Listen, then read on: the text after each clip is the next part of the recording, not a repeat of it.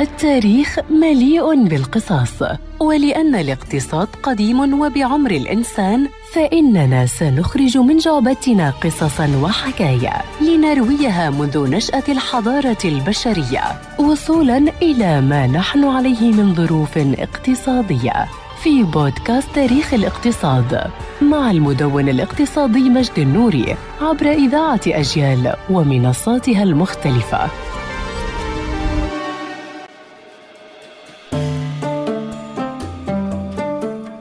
بدأ الإنسان سداد احتياجاته عن طريق المقايضة، مقايضة ما لديه بما لدى الآخرين، وهو الشكل الأولي لما سمي بعد ذلك بالتجارة، ولكن دون أن يكون هناك وسيط بين هذا التبادل، وهذا الوسيط هو النقد الذي سيكون له تاريخ معنا ولكن في حلقة أخرى. المقايضة التي تطورت لتجارة بين فردين، ثم بين مجموعة أفراد، ثم بين الدول هي تقريبا محور الحياة من حولنا، الدافع للإنتاج والمسبب للاستهلاك والمحفز للتطوير والابتكار فالتطور من المقايدة للنقود كان ثورة والتطور من التجارة المحلية للدولية ثورة ومن المادية الملموسة للإلكترونية ثورة مستمرة ويقال أن عام 1815 كان عام الانفتاح على التجارة الحرة التي استمرت واصطدمت بالحرب العالمية الأولى عام 1914 ثم عادت للحياة في عشرينيات القرن الماضي قبل أن تصطدم بالكساد العظيم والحرب العالمية الثانية. ولكنها ومنذ خمسينيات القرن الماضي تحولت لما نحن عليه الآن من كل شيء.